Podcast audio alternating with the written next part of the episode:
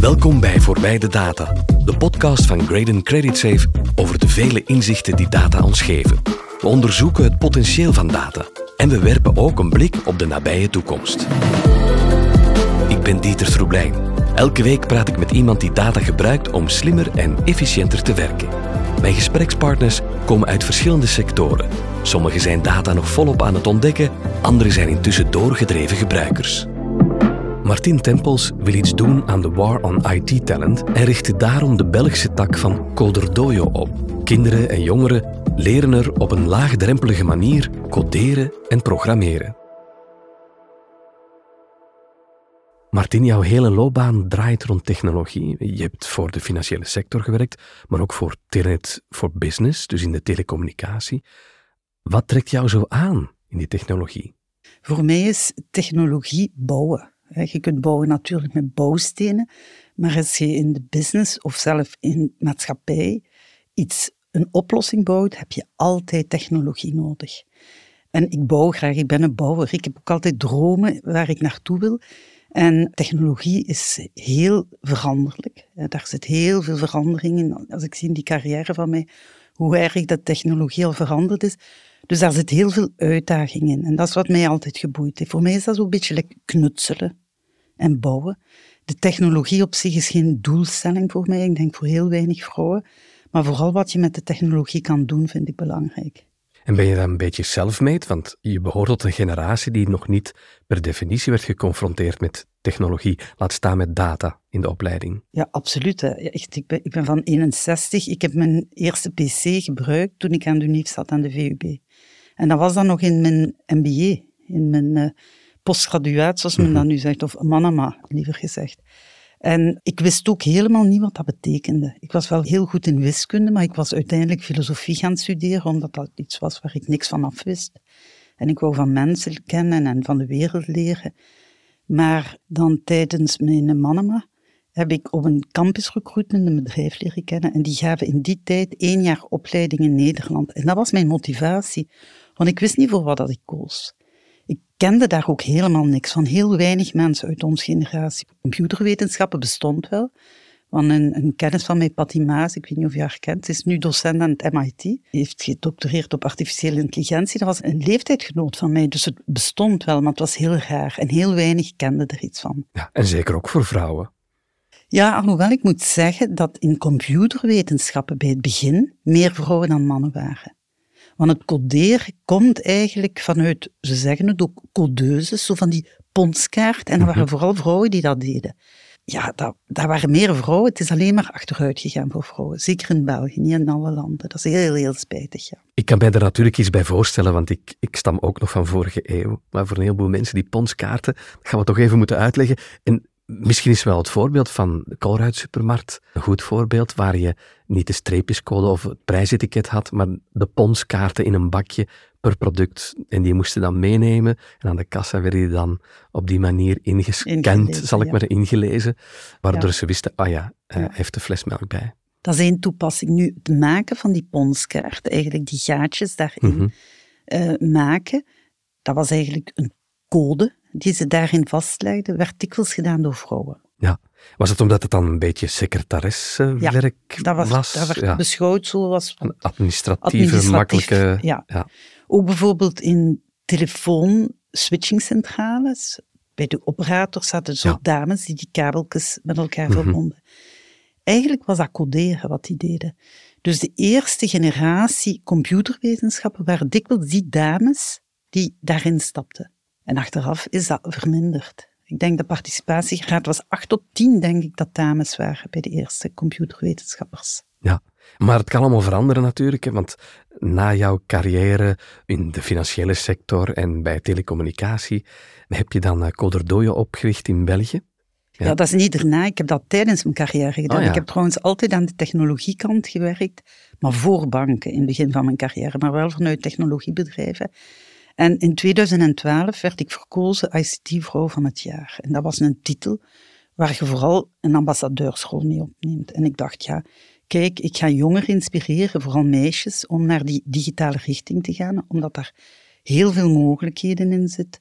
En hoe meer dat ik naar school ging, hoe eigenlijk depressiever dat ik werd. Want het was in mijn ogen niet vooruit gegaan. Ik kwam uit een, een generatie waar het eigenlijk onbestaand was, maar waar wij wel positief naar die technologiewereld keken, was voor hun, ja, informatica was, was iets negatief geworden. Dat was iets voor nerds. En nerds was op dat ogenblik iets negatiefs. Dat is achteraf wel een beetje veranderd. En dat was zo een computer op en afzetten, Word op en afzetten. Ze hadden daar een heel negatief beeld van. En ik vond dat heel akelig. Want mijn hele carrière heb ik eigenlijk gevochten om de juiste mensen in het vak te krijgen, omdat wij altijd tekort hadden aan mensen. Dan kwam ik Ododoyo tegen in Ierland en die hadden maar één regel en dat is being cool. Mhm. En ik dacht, ja, dat moet het zijn. Als je jongeren wilt inspireren, moet je dat niet doen van het is moeilijk en, en complex. Je moet doen, ik kan het. Het is cool en hoe gekker, hoe beter. En we deden dat buitenschools. We zijn gestart in 2013, een jaar nadien, alleen heel kort nadien. En dat is een gigantisch succes geworden. Dat was echt, echt nood aan. Ja, het is een internationale formule. Je hebt het voor België opgericht dan. En jullie leren daar kinderen en jongeren programmeren. Ja. Zo zeg ik het goed. Ja, ja.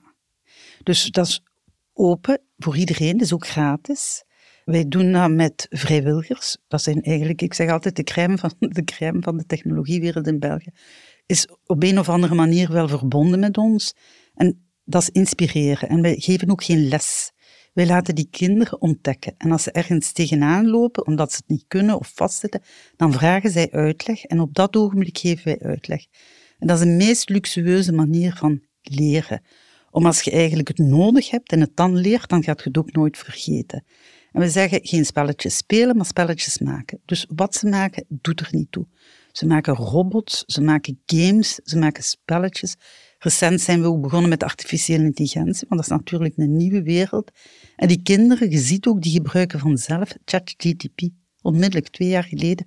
Ik wist ze gingen dat gebruiken en ze, ze, gebruiken dat ook. Kinderen zijn heel anders leergierig dan volwassenen. En als ze dat talent hebben, dan leren ze dat ook gigantisch snel. Want het is een talent, net als sport en muziek een talent is. Wat niet wil zeggen dat niet iedereen het kan leren. Hè. Ik heb ook drie jaar op de muziekschool gezeten zonder echt, echt totaal geen muzikaal talent. Ik heb daar veel van genoten. Ja, wat heb je gespeeld? Ik heb gitaar proberen okay, te spelen. we brengen hier gitaar voor je ja, voilà. Maar ik heb geen muzikaal gehoor. Dus eigenlijk na drie jaar ben ik ook gebuisd van dicté op de piano. Dat, ik kon dat niet. Na drie noten was ik alles kwijt. Dat is heel gek. Ja, maar het is dus wel zo dat jullie het bekijken als een kind dat een taal leert. Je kan er beter vroeg genoeg mee beginnen. Dus jullie gaan ook kinderen begeleiden of kinderen toelaten vanaf tien jaar. Vanaf zeven jaar. Vanaf zeven jaar? Ja, ja vanaf zeven jaar, ja. ja. ja. En, dat wil dan zeggen dat die kinderen die tijd nodig hebben, of omdat ze juist op dat moment daar het meest vatbaar voor zijn om die dingen te leren. Ja. Wat wij weten is dat het toekomstbeeld van een kind heel erg bepaald wordt tussen de zes en de twaalf jaar. Dus er wordt heel veel gewerkt, zo in middelbaar onderwijs, voor de studies en wat. Dat is meestal al te laat. En wat we ook weten ondertussen is dat buitenschools gigantisch belangrijk is. Natuurlijk, in school leert je talenten, maar buiten school zijn uw inspiratiebronnen. Vandaar dat sport of muziekacademie of, of ja, scouts zo belangrijk zijn voor de vorming van kinderen. Nu, wat we ook zien, is dat talent van het digitale dikwijls gepaard gaat met een heel sterk analytisch vermogen en introversie. En ik wil daar niet stereotyp mee zijn, maar dat is gewoon zo. En die kinderen gaan minder graag naar de scouts. Die hadden dikwijls niks. Ik heb zoveel moeders bij me gehad die zeggen, oh, ik ben zo blij dat we Cododooi ontdekt hebben, want mijn kleine zat maar achter zijn computer en kwam niet buiten. En nu leert hij ook vrienden kennen, want Cododoio is veel meer dan dat digitaal alleen. Dat is ook vrienden, dat is ook elkaar peercoaching, dat is elkaar helpen. En uh, show and tell, dat is voordrachten geven. Dus dat is veel meer dan dat coderen alleen. En daar hebben we natuurlijk in de maatschappij ook heel veel nood aan. Hè? Dat bindende. Maar het is niet voor iedereen gegeven om met computers bezig te zijn en zo zeker niet van kinds af aan, maar dat kost natuurlijk geld. Of daar passen jullie ook een mouw aan? Dus Coderdoe is volledig gratis. En als ze geen materiaal hebben, we vragen, breng je pc. Dat mag om Devo was zijn, een tablet, whatever. Breng het mee en als je het niet hebt, dan geef het. En wij zagen in het begin, grootstedelijk heb je meer problematiek dan landelijk. Hè. Landelijk hebben de kinderen over het algemeen beter. We weten in Brussel bijvoorbeeld dat ongeveer 25% van de kinderen onder die armoedegrens zitten. Dus dat voelt geen cododojo. Maar ondanks dat het gratis is en open voor iedereen, en ondanks dat we het materiaal ter beschikking stellen, bereiken we niet noodzakelijk de kinderen in kansarmoede. En alle organisaties zeggen dat. En dat komt gewoon, daar is een vorm van schaamte en ook een heel grote kloof, weinig steun. Die kinderen hebben ook meestal heel weinig kader bij hun thuis van steun. En als je die kinderen wil bereiken, moet je met een middenveld samenwerken, OCMW's of andere organisaties die met die kinderen werken. En daar gaan wij dan wel workshops doen van Coderdojo. Ja, of ook naar de scholen bijvoorbeeld, om kinderen te recruteren. Uh, het recruteren is in die tien jaar het minste van ons probleem geweest. Oké. Ja, dus wij hadden wachtrijen. Nu begint dat te veranderen, omdat het aanbod veel groter wordt. Want ondertussen heb je ook stemacademies, je hebt ook alternatieven van Coderdojo. Maar vroeger hadden wij overal wachtrijden, dus het was niet noodzakelijk het recruteren wat onze bedoeling was, maar vooral die kinderen inspireren. Want het digitale geeft veel mogelijkheden, geeft ongelooflijk veel werk. En die kinderen denken dikwijls, dat is niks voor mij, of die kennen het niet. En als je die kunt inspireren van, ik kan het, en je kunt ze in het onderwijs houden, want ze gaan dikwijls uit het onderwijs op 14-jarige leeftijd, en dan zijn ze ja, laag geschoold, en dan toch een vogel voor de kat. Dan heb je toekomst voor die kinderen. En je hebt ook organisaties zoals BICO die zich daar nu echt op toeleggen en die een curriculum geven van zes weken voor jongeren te heroriënteren en die vinden werk nadien. Ja, het belang is duidelijk hè, om die jongeren binnen te halen in de IT-sector, want er is een war for talent. Ja, absoluut. Allee, sinds COVID is het heel duidelijk geworden. We hebben echt een digitale sprong gehad. We hebben een digitale economie. We zien de bedrijven die digitaal niet mee zijn ook echt marktaandeel verliezen of verdwijnen of zelfs weggeconcurreerd worden. En iedereen vecht voor dat digitaal talent. Nu, het belang van data neemt exponentieel toe sinds de introductie van artificiële intelligentie. En we hebben daar al veel over gedebatteerd. Artificiële intelligentie is gebaseerd op datamodellen die gebouwd worden en die meer en meer gevoed worden. Dus het inzicht in al die technologieën wordt alsmaar belangrijk. Want mensen die daar geen inzicht in hebben, beginnen schrik te krijgen. En dat is eigenlijk slecht, want het is een opportuniteit. Maar je moet het vooral snappen.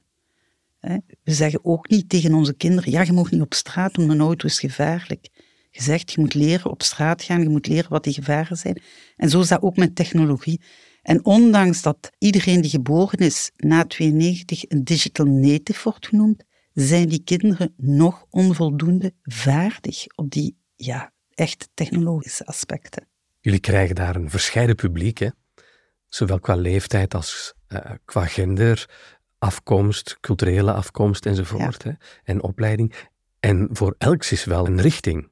Voor ja. elk is wel een oplossing binnen die IT, binnen computergegeven. Ja, dat klopt. Er is een heel, heel variatie. En je ziet al van bij die kinderen. Hè. Je ziet zelf een verschil tussen jongen en meisjes. Dat, dat jongens beginnen meestal spelletjes te maken, schietspelletjes. En meisjes maken meestal, als ze starten, filmpjes. En het eerste wat ze willen doen is een website maken. En dan iets met purpose. Ik heb zo'n meisje gehad die een Google Translate met woorden had gemaakt, met haar broertje, in twee talen. Dat was fantastisch. Dat is wat meisjes doen. En ook één keer per jaar doen wij een makersfair. Eh, de meisjes komen daar met een blinde geleidingstok met afstandsdetectie of een muizenval met een, met een als er een muis in zit, eh, dat verwittigd wordt, want de muis mag niet te lang alleen zitten. En de jongens komen Allee, het is bijna om te lachen. Maar je mag daar niet mee lachen. Maar ik vind dat wel echt typerend. Bijvoorbeeld met een robot die een rol toiletpapier brengt. Zo, de interesses zijn vanaf heel jonge leeftijd heel verschillend. Software, hardware, data, netwerken. Die interesse, ja, dat verschilt. Dat zijn heel verschillende aspecten in de technologiewereld. En die affiniteit, ja, die is daar vrij snel zo te vinden en onderscheidend. En je hebt natuurlijk ook de aanleg van die kinderen. De ene zal naar programmeren gaan en de andere gaat misschien naar uh, meer analyseren. Of met het creatieve idee op de proppen komen. Ja, ik denk meer dat. Het creatieve en het maken. Dat is heel complementair. En die vullen elkaar ook zo goed aan. Zo het analyseren en het maken, bij kinderen maken wij dat onderscheid niet. Omdat analyse is denkwerk op voorhand. Dan moet je ook al langere trajecten doen, moet je ook methodes aanleren. Dat doen wij niet. Wat wij vooral doen is maak iets. En je kunt heel snel met een blokdiagramtaal heel snel iets maken. Je puzzelt aan elkaar, bij wijze van spreken, je laat dat op een klein Lego uh, Mindstorm wagentje werken. En dat wagentje draait en je toont aan dat kind zo warehouse van bijvoorbeeld waar automatische picking trucks zijn. En dan zegt dat kind, ja, maar ik kan dat. En dan begint verbanden te leggen. En dat is de klik die wij willen. Wij delen niks op in vakjes. Het is het maken wat centraal staat en het digitale. En knutselen en een hack. Een hack is eigenlijk iets kraken, een probleem kraken. Dat is niet negatief, want hacking heeft een heel negatieve connotatie in de cybersecurity. Maar wij zeggen gewoon, zoek de oplossing, doe de hack. En dat vinden ze cool, dat vinden ze super cool. Ja. Jullie stomen eigenlijk een hele nieuwe generatie klaar voor de toekomst om aan de slag te gaan met data, maar jullie gebruiken volgens mij ook data om dingen bij te sturen. Als je kijkt wat de invulling is in de klasse of zo, of wat de invulling is op dit moment op de arbeidsmarkt, in functie van bijvoorbeeld meer meisjes aan de slag te krijgen. Ja, dat klopt. Als we natuurlijk meer mensen in die digitale wereld willen hebben, moeten we meisjes gaan aanspreken. Want dat is nu eenmaal de helft van de bevolking. En de vrouwen zijn nog altijd ondervertegenwoordigd. Nu, wij doen dat door dat expliciet in de kijker te zetten. We hebben zo één keer per jaar Kododoyo for Girls. Dat is alleen met meisjes. En we nodigen die meisjes ook uit met hun tantes te komen, met hun grootouders te komen. En dat is eigenlijk een echt groot vrouwenevent.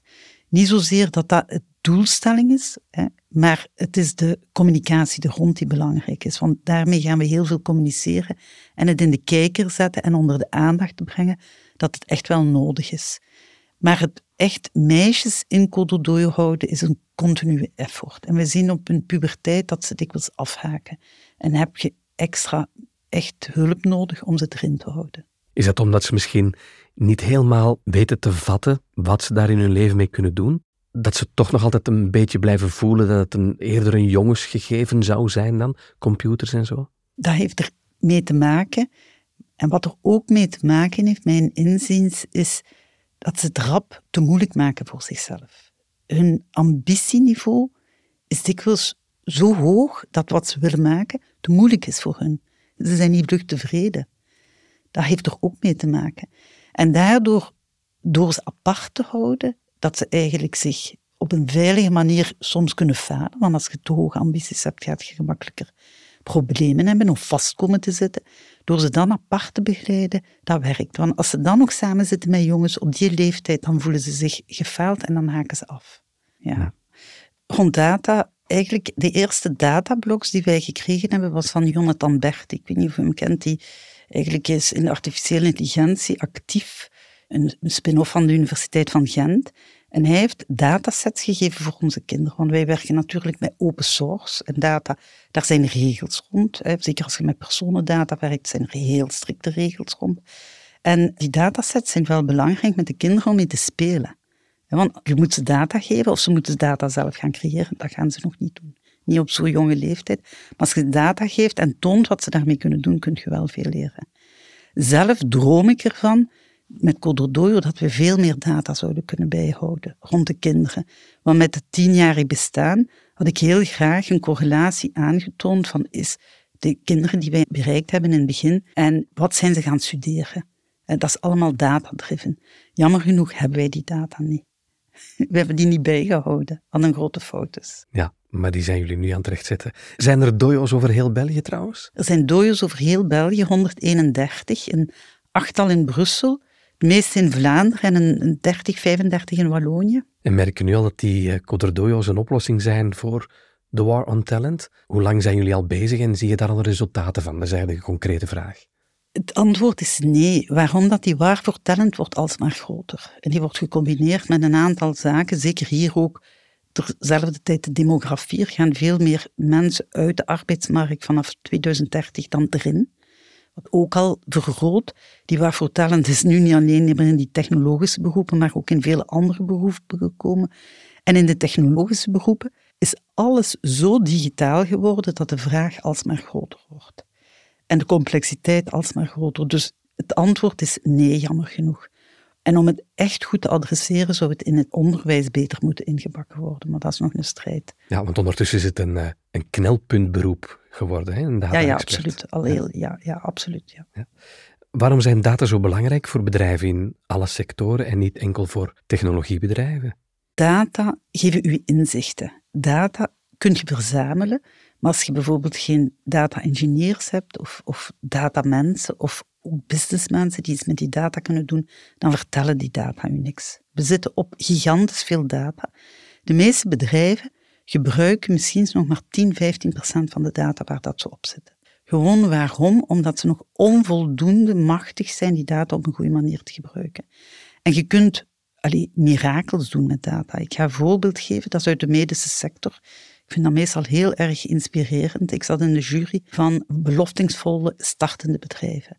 En een van de bedrijven die meedeed, was gecreëerd door een arts, een specialist, die op een neonatale afdeling werkte van het Universiteit Ziekenhuis van, van Antwerpen. En die man wist dat de hoogste reden van sterfte bij neonataliteit gevolg is van sepsis. Dus dat is het gevolg van een ontsteking. En hoe sneller dat je dat kan detecteren, hoe meer kans dat kind heeft om te overleven. En hij heeft een datamodel gebouwd, samen met een aantal technische mensen. En dat model stelt hun in staat parameters met elkaar in verband te brengen, want dat is data. Data is interpreteren van zaken die je weet en die je ziet en waar je soms staat op te kijken, maar waar je niet denkt soms om te correleren, trends te bepalen. En die man heeft dat model gebouwd en dat is zeer succesvol.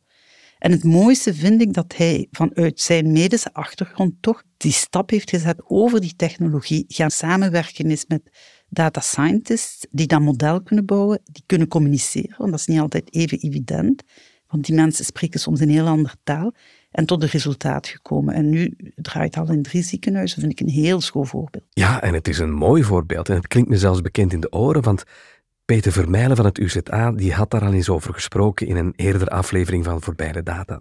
Die bewuste arts die is nog wel zijn hulp moeten gaan zoeken bij IT'ers. Want in de toekomst zou het dus zomaar eens kunnen dat ook artsen, en alle beroepen trouwens, technologisch onderlegd moeten zijn naast hun expertise om zo'n onderzoek zelf te gaan doen. Ja, alhoewel dat ik denk dat we dat ook voorzichtig moeten benaderen. Ik denk wat belangrijk is dat de arts een notie krijgt en men begint daar wel meer in te zien. Ook het patiëntendossier, wat betekent die begrippen daarachter? Maar elk innoverend traject gaat je altijd toch multidisciplinair benaderd zien. Die competenties die nodig zijn voor echt van die ja, gespecialiseerde modellen te bouwen, niet elke métier kan die opbouwen in zijn métier. Dat is altijd een samenwerking tussen mensen. En ik denk dat het daarom heel belangrijk is dat die basis aanwezig is, want dan gaat je communiceren. Wij spreken heel veel in het bedrijfsleven van een kloof tussen business en IT. Maar dat komt gewoon omdat die andere taal spreken. Die mensen die denken soms anders. En het is belangrijk dat je elkaar verstaat om kunnen samen te werken. Ja, letterlijk en figuurlijk denken ze soms anders en communiceren ze ook zo. Ja. Het is belangrijk voor een onderneming, voor een organisatie, voor een bedrijf, dat je daarmee aan de slag gaat met die technologie. En toch, terwijl we dat weten, zijn er heel veel bedrijven die achterop hinken. Er is een kloof ontstaan tussen bedrijven, zal ik maar zeggen. Waar ligt dat aan, denk je? Is dat financieel of functioneel? Dat is dikwijls functioneel. Het heeft ook dikwijls te maken met de ontsluiting van data. Als de definities niet juist zijn, als in één, één toepassing klant klant heeft en een andere toepassing klant een andere naam heeft, ja, dan zijn dat dezelfde onderliggende data, maar verschillend gegroepeerd. En dan is dat eigenlijk een brol, dat is lekker een kast die niet op orde ligt. Mhm. dat, is, dat is misschien een heel pathetische, maar dat is een reden.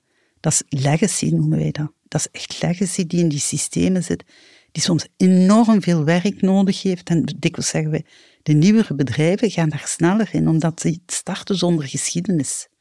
In een greenfield, als je het goed op voorhand bouwt, ook als je een huis bouwt en je bouwt goed je technologie op voor, dat is beter geïsoleerd. Je kunt dat in een oud huis nooit zo goed doen. Dat is één reden. Een tweede reden is toegang tot talent. De juiste talenten. Mensen zijn heel kritisch. Je kunt veel kopen, maar het toepassen van iets, dat is ook een talent. Het is niet omdat je het kunt kopen, dat je het op een goede manier kunt toepassen. Dikwijls zijn leveranciers maar zo goed dan hun klant. Klant moet eigenlijk meedenken en meepraten. Ja, je moet ook visie hebben. Je moet ook weten waar je naartoe wilt. Want als je kijkt in maintenance, dat is nu heel eenvoudig. Je hebt bijvoorbeeld een Daikin. Dat is al een expert op airconditioning, een Sint-Jaren.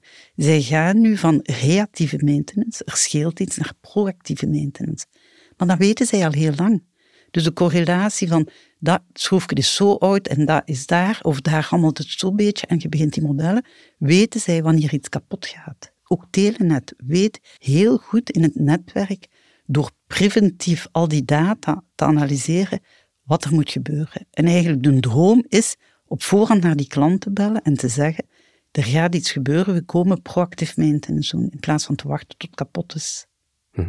Dus we zitten in die evolutie. Ja. Hè? Binnenkort zelfs een revolutie als al die kinderen die bijvoorbeeld bij jullie het hebben geleerd op de arbeidsmarkt komen, hè, hopelijk. Want kinderen en jongeren die al van jongs af aan vertrouwd zijn met programmeren en coderen en data, die hebben echt wel een stapje voor op die arbeidsmarkt. Die moeten zich geen zorgen gaan maken. Ja, veel zal afhangen ook van hun nieuwsgierigheid en wat ze ermee gaan doen. Het is niet omdat je een talentvol kind bent met heel veel muziek, of een jonge gast die goed shot, dat dat een profvoetballer er is veel nodig. Hè. Er is ook eigenlijk uh, ja, doorzettingsvermogen, willen, zoeken en, en bouwen. Dat is niet anders. Maar ik denk wat we wel brengen, is dat inspirerende. Wij zagen veel te veel jongeren die zeiden, dat is te moeilijk, dat is niks voor mij. En schrik is het slechtste wat je kunt hebben in je leven. Proberen, experimenteren met de juiste zaken, dat is wat je moet doen. En niet schrik hebben van een technologie. Technologie is er op alle niveaus. Een van mijn, mijn mooie victories bij Coderdojo is, we hebben in Genk is een megadojo gedaan met meer dan duizend kinderen. En de scholen kwamen daar naartoe met hun bussen en dat was één BSO-school. En dat vond ik fantastisch, want die kinderen draaiden even goed mee, maar op een andere manier. En dat is wat je moet doen. Geen schrik hebben, proberen. En dat denk ik wel dat we bijbrengen. Dat was er niet gewoon. Buiten dat coderen en zo, komen naakte data, zal ik maar zeggen, en AI ook aan bod in de coderdojo's? Nu wel, hè? Ja. ja. Tien jaar geleden niet. En sinds dat Jonathan Berte erbij is gekomen, ja. Wat je natuurlijk ook probeert mee te geven met coderdojo in het gebruik, is, ja, wat betekent dat? Waar moet je voorzichtig zijn met data? Wat gebeurt er als je data in de cloud zit? Er zijn concepten die we die kinderen al proberen mee te geven. Want het is heel belangrijk dat ze daar inzicht in hebben. Maar dan begint het dan moeilijker te worden. En dan zitten we eigenlijk ook in onze beperkingen. Ik zou echt willen dat dat in het onderwijs ook mee aan bod zou komen. Ja. En je zegt het zelf, als je met een aantal gegevens in de cloud gaat, dan moet je toch wel rekening houden dat die gegevens veilig zijn. Je zit met cybersecurity probleem dan eventueel. Daar gaan jullie de kinderen in begeleiden, maar er is ook wel een ethisch probleem als je spreekt over data en vooral AI. Gaan jullie daar ook werk van maken of maken jullie daar werk van? Ja, door vooral in positieve bewoordingen hun proberen te tonen dat als je data misbruikt of uw data laat misbruiken, dat daar echte issues rond kan zijn.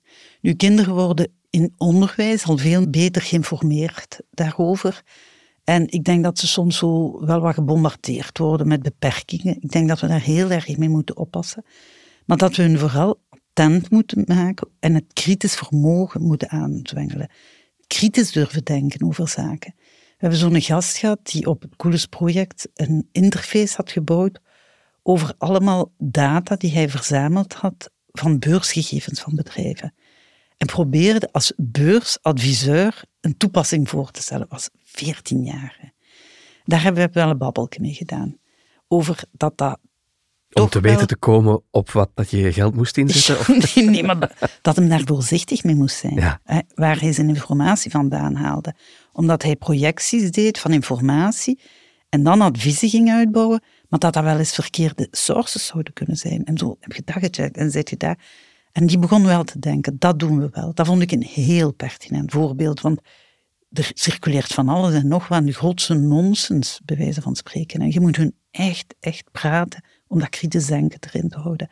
En het wordt alsmaar erger, vind ik. Ja. ja, dus je legt geen regeltjes op, maar je zorgt dat ze intelligent genoeg zijn en informatie genoeg krijgen om die analyse zelf te leren maken. Ja, en durven in vraag stellen. Durven zeggen, is het wel zo? Ja, zo is een echte wetenschap. Ja, inderdaad, ja.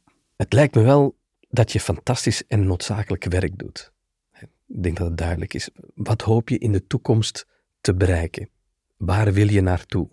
Ja, ik hoop in de toekomst dat wij de grote maatschappelijke thema's. Hè. Je hoort ook aan mij, ik ben iemand die houdt van schrik. Ik hou van oplossingen. En ik hoop dat we de jongeren voldoende kunnen inspireren om die grote maatschappelijke thema's aan te pakken.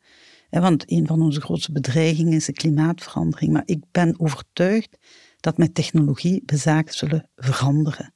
Ook in heel die migratieproblematiek, die oorlogen. Ik denk dat het met de juiste aanpak, dat technologie ons kan helpen zaken meer te voorkomen. Dat is mijn hoop. Niemand zal weten of ik gelijk heb of niet. Hè. Ja, net zoals het klimaatprobleem is het een generatieoverschrijdend probleem. Overschrijdend probleem. Ik kom nog van de generatie van de Club van Rome, die echt heel veel doemdenkerij had. Maar nu, na 30 jaar, zien we dat technologie heel veel van die problemen waar zij over gesproken hebben, hebben weten te voorkomen of minimaliseren. Die zijn nooit zo erg geworden dan men ze voorspeld had. En ik hoop door jongeren daar meer in te betrekken, dat we dat gaan kunnen blijven doen. Want het is allemaal nog veel complexer dan toen ik eigenlijk op de schoolbanken zat. Het is in elk geval fijn om te horen dat er mensen zoals jij hun energie steken in ervoor te zorgen dat er ook een generatieoverschrijdende oplossing komt. Dank je wel. Dank je. In de volgende aflevering is Gunter Gijsels te gast. Hij is de CIO van Randstad Groep België. Om kandidaten aan vacatures te koppelen gebruiken ze algoritmes, maar ze proberen ook het menselijke buikgevoel van de matchmakers te digitaliseren. Hoe detecteer je wat die mensen ook willen? Want het is niet omwille van het feit dat ze ergens naar zoeken, dat ze zeggen van ja, ik ben vandaag bakker en dat ze effectief terug naar een bakkersfunctie op zoek zijn. Dus dat is hoe dat wij onze data dan gaan inzetten. Wat zijn de andere opportuniteiten voor die mensen? Tot dan. Zo, dit was Voorbij de Data, de podcast van Credit Credit Safe. Wil je zelf ook data omzetten naar actiegerichte inzichten? Heb je vragen of wil je reageren op deze aflevering? Ga dan naar onze Content Hub op gradingcreditsafe.com-be. Daar vind je ook al onze informatieve en inspirerende artikels. Bedankt om te luisteren en tot volgende keer.